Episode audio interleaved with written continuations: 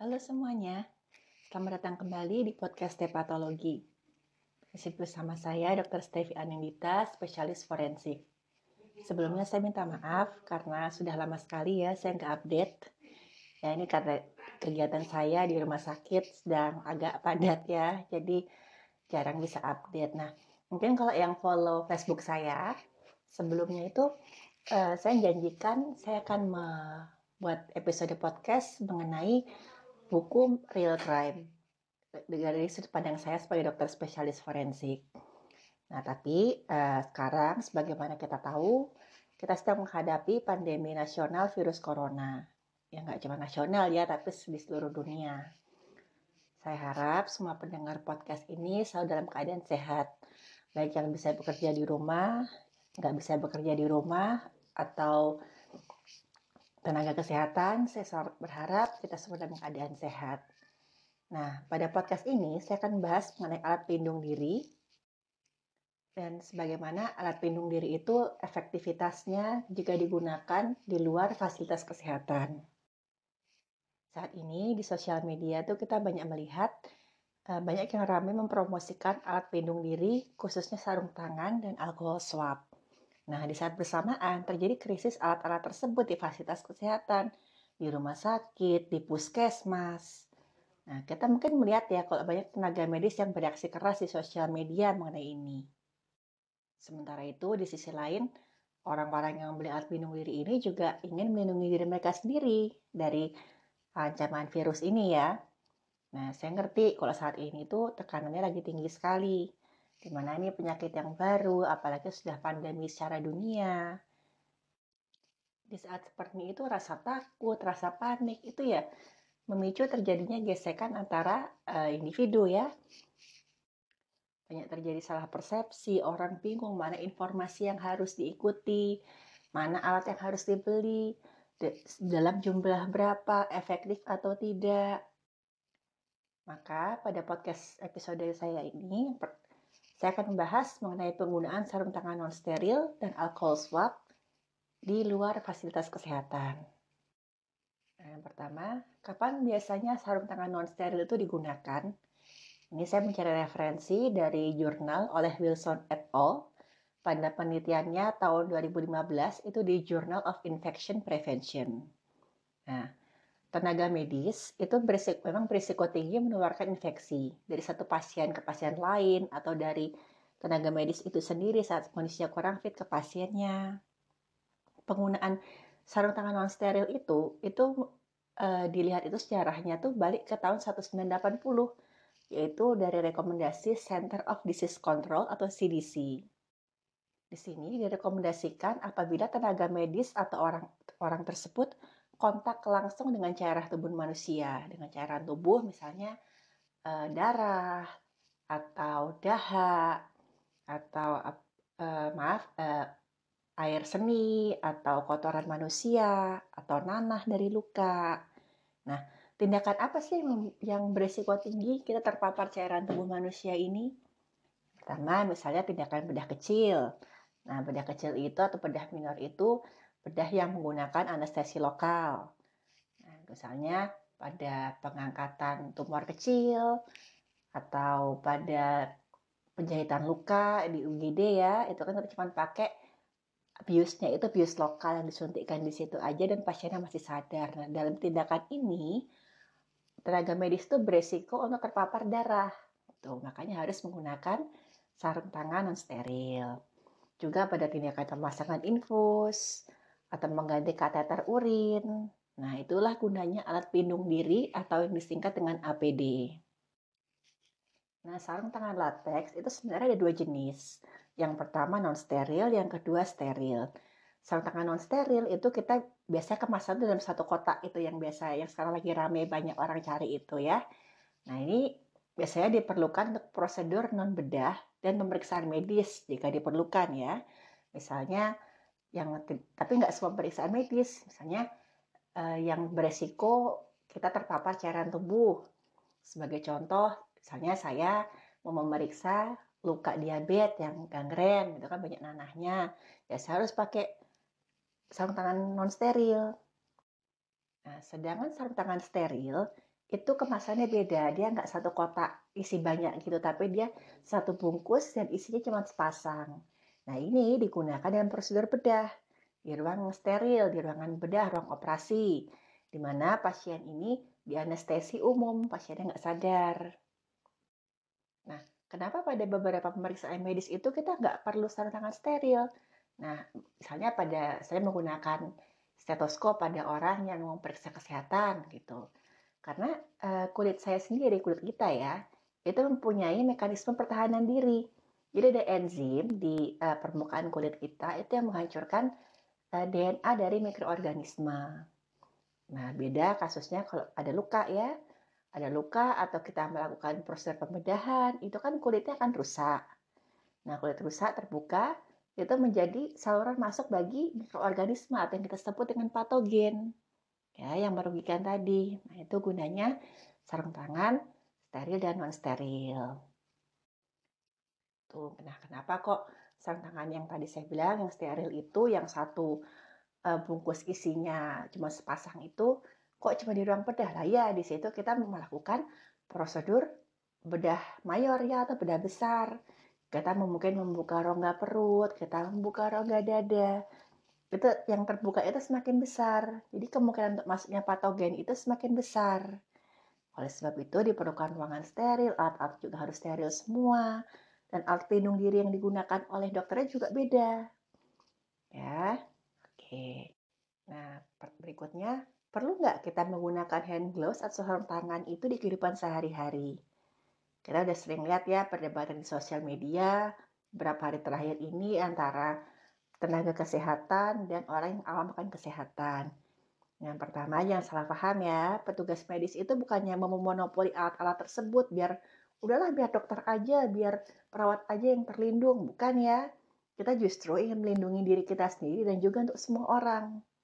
Ya, untuk pasien-pasien yang baik yang uh, dirawat yang dirawat atau orang-orang sehat keluarganya, tujuan kita itu untuk melindungi mereka. Nah, just, ya, karena pemakaian hand gloves tadi, sarung tangan tadi, kalau secara salah, justru memperbesar resiko infeksi.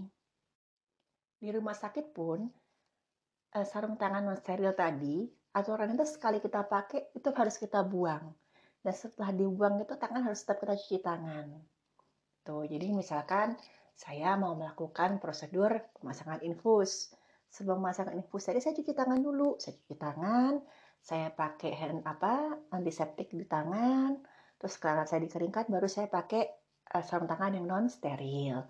Setelah itu saya melakukan prosedur, saya mau melakukan uh, pemasangan infus lagi di pasien sebelah saya itu handskun yang saya pakai tadi harus saya buang.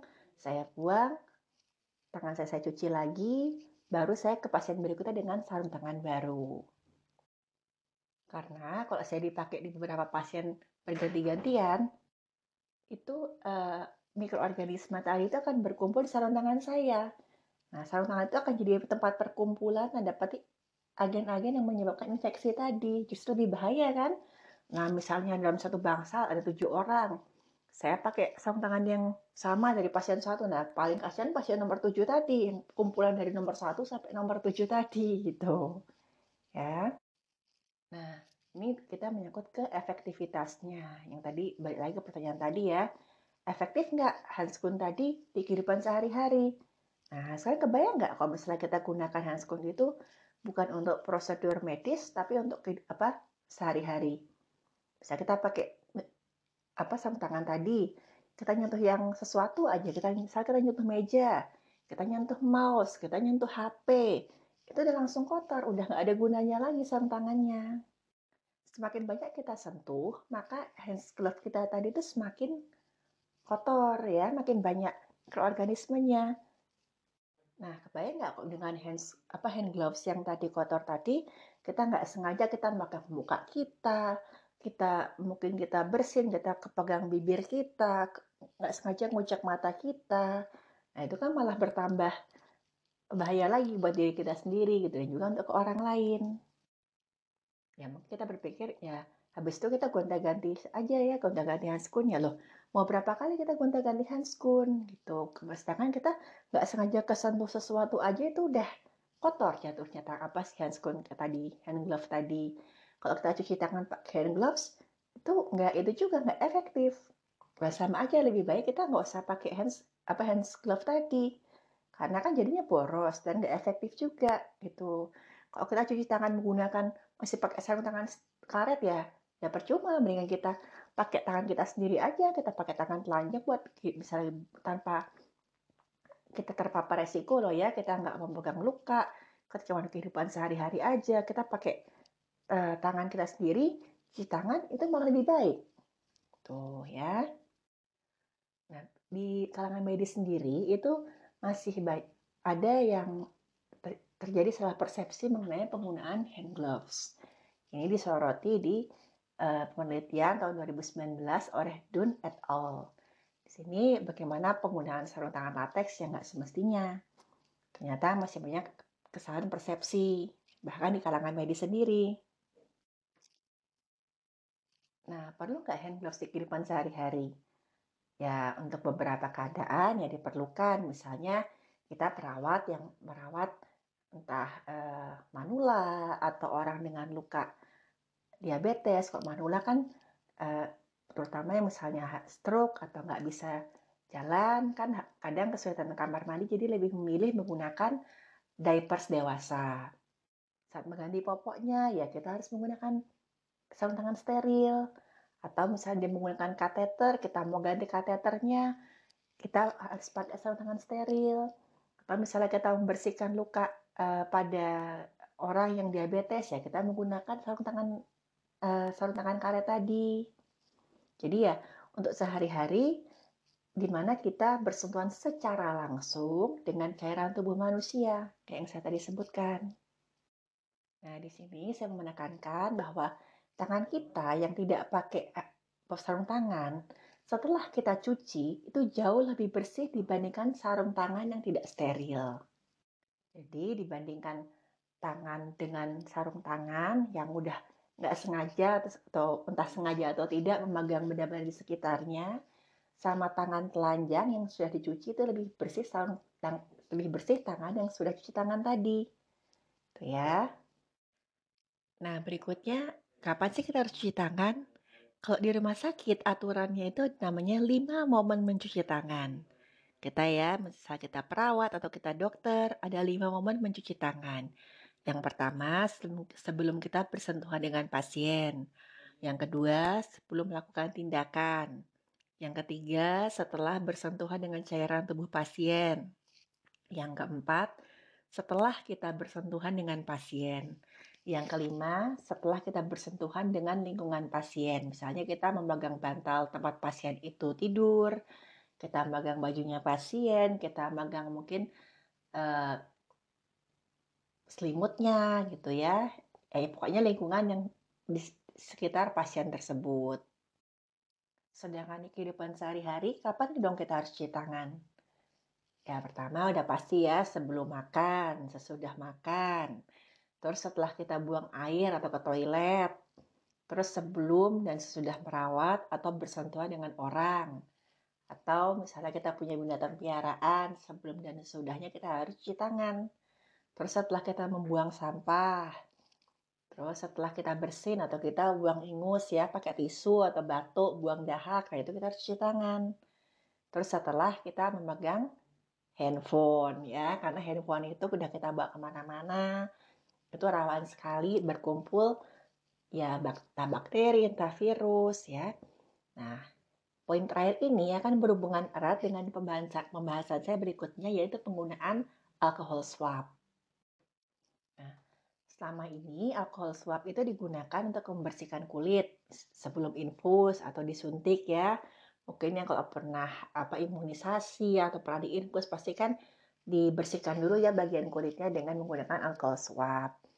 Yang kedua untuk membersihkan luka dengan catatan jika tidak ada akses ke air bersih dan sabun. Nah, di sini kan udah jelas ya direkomendasikan selama ada air dan sabun ya kita bersihkan dengan air dan sabun. Ada kata tidak, ya boleh kita bersihkan lukanya menggunakan alkohol swab dulu.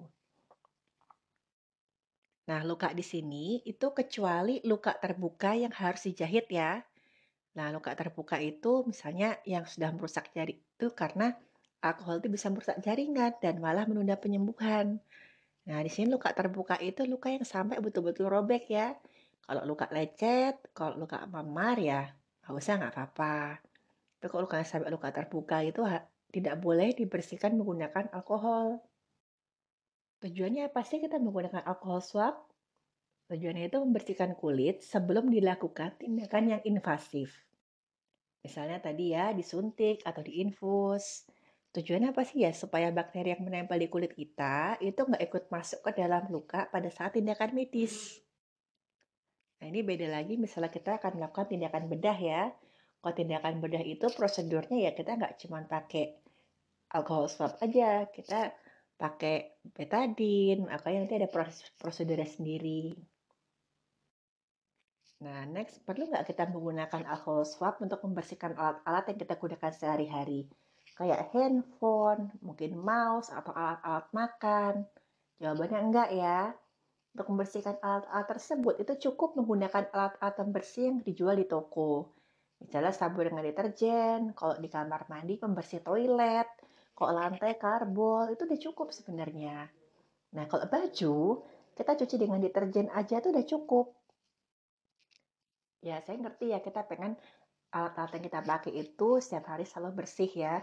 Tapi kan untuk mengharapkan alat-alat kita tuh sama sterilnya dengan alat-alat medis di rumah sakit, apalagi di ruang operasi, tentu nggak mungkin. Kenapa? Yang pertama, udah pasti lingkungannya beda. Kalau di rumah sakit itu kan lingkungan orang-orang yang berisiko menyebarkan penyakit, ya. Kalau lingkungan kesehari-hari ini kan udara terbuka, rumah kita yang selalu kita bersihkan, jadi nggak bakal bisa alat-alat yang kita gunakan tuh jadi sama sterilnya dengan alat-alat di rumah sakit, apalagi di ruang bedah. Nah, berikutnya bahan-bahannya juga beda. Kalau alat-alat bedah itu kan bahannya silver ya. Terus juga ruang operasi itu kan sangat-sangat tertutup ya. Dan untuk membersihkan alat-alat di rumah sakit itu, terutama alat-alat bedah itu nggak cuman disuap pakai alkohol aja, tapi juga harus menggunakan sterilisator. Ada prosedurnya tersendiri. Kenapa? Karena alat-alat tersebut tuh semua digunakan di kulit manusia yang terbuka pada saat pembukaan rongga perut, misalnya untuk operasi pengambilan usus buntu, untuk uh, pembukaan rongga kepala, misalnya operasi uh, cedera kepala. Sedangkan alat-alat yang kita gunakan sehari-hari itu, ya kita kan gunakannya dalam keadaan kulit kita sehat. Memang kita perlu bersih. Kita nggak mungkin misalnya pakai uh, kita megang mouse yang udah belepotan dari satu tangan ke tangan lain gitu ya. Udah kotor udah berminyak-minyak gitu tetap harus kita bersihkan. Tapi ya nggak perlu menggunakan alkohol swab juga. Kita cukup menggunakan alat-alat pembersih juga yang biasa karena yang banyak di supermarket. Sabun kayak tadi ya deterjen atau mungkin pakai tisu basah itu udah cukup. Nah jadi misalnya kita maksain diri kita pakai alkohol swab ya ada malah boros. Kita mau buang-buang apa uang untuk yang sebenarnya nggak efektif juga gitu. Malah lebih efektif kok itu digunakan pada satu prosedur medis. Nah jadi di sini mudah-mudahan cukup jelas ya penjelasan saya tadi. Dan sekarang saya ingin memberikan himbauan kepada pendengar itu untuk tidak melakukan panic buying khususnya alat-alat kesehatan. Jangan sampai sebagian kecil orang yang mempunyai apa punya akses kebersihan yang berlebihan yang sebenarnya buat dirinya buat dirinya dan keluarganya itu berlebihan sedangkan yang lain enggak. Kenapa? Ya percuma dong. Yang nggak bisa membersihkan nanti malah akan membawa penyakit buat yang sehat. Begitu juga dengan makanan. Misalnya satu komunitas itu mempunyai stok makanan yang berlimpah-limpah karena dia panic buying. Sedangkan komunitas lain itu karena tidak sempat atau tidak punya apa tidak mampu untuk melakukan panic buying tadi malah kurang nutrisinya kurang pertahanan tubuhnya menurun dia jadi lebih mudah sakit dan itu nggak akan nggak hanya karena coronavirus aja dia akan membawa penyakit bagi lingkungannya gitu berikutnya juga jangan melakukan panic buying terhadap alat kesehatan karena dengan begitu kan alat kesehatan jadi langka Nah ini bahayanya fasilitas kesehatan, industri farmasi itu mereka nggak bisa bekerja dengan maksimal.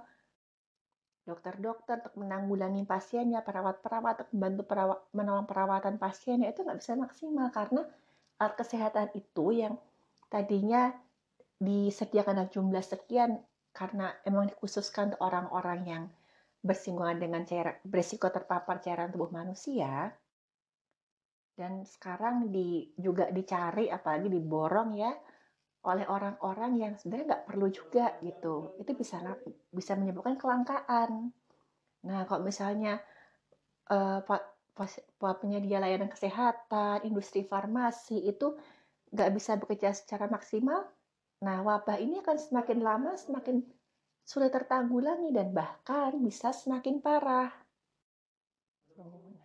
Intinya, kalau kita ingin wabah ini lekas berlalu, kita uh, fokusnya juga cuma melindungi diri sendiri, kita juga harus bisa melindungi orang lain. Kalau semuanya sehat, maka wabah ini akan semakin cepat tertanggulangi. Oke, nah mungkin dari beberapa pendengar udah mungkin juga ada yang sudah telanjur beli ya, telanjur pre-order alat kesehatan, itu sarung tangan, alkohol swab. Oke, saya bisa mengerti kalau memang sebelumnya itu banyak terjadi salah persepsi di situasi sekarang ini di mana banyak orang panik, banyak orang takut, ya kita nggak tahu kan apa informasi itu datang dari mana-mana, lebih dari lebih dari sosial media ya. Jadi ya aneh kata sebagai pre-order ya, oke okay, bisa dimengerti. Karena uh, tenaga kesehatan saja tuh harus selalu diingatkan ya, harus dilakukan sosialisasi mengenai bagaimana penggunaan alat pelindung diri tadi. Jika udah terlanjur daripada nanti jatuhnya boros ya sudah nggak efektif ya yang sudah beli bisa memberikan alat kesehatan tersebut dan disumbangkan ke mereka yang lebih memerlukan dan bisa menggunakan itu secara efektif ya untuk kebaikan kita semua juga misalnya ke rumah sakit ke puskesmas ke fakultas kedokteran untuk dokter-dokter muda atau koas ya juga melalui pembukaan donasi yang dapat dipercaya. Oke, dari saya mungkin sekian dulu yang bisa saya sampaikan mengenai efektivitas menggunakan alat pelindung diri di luar fasilitas kesehatan. Terima kasih bagi pendengar yang sudah mendengarkan podcast Patologi. Apabila ada pertanyaan, bisa hubungi saya di Twitter at stepatologi, s t e p a t h o l o g y atau Instagram saya stepatologi. Semoga kita semua selalu sehat ya. Sampai bertemu di episode stepatologi berikutnya. Terima kasih.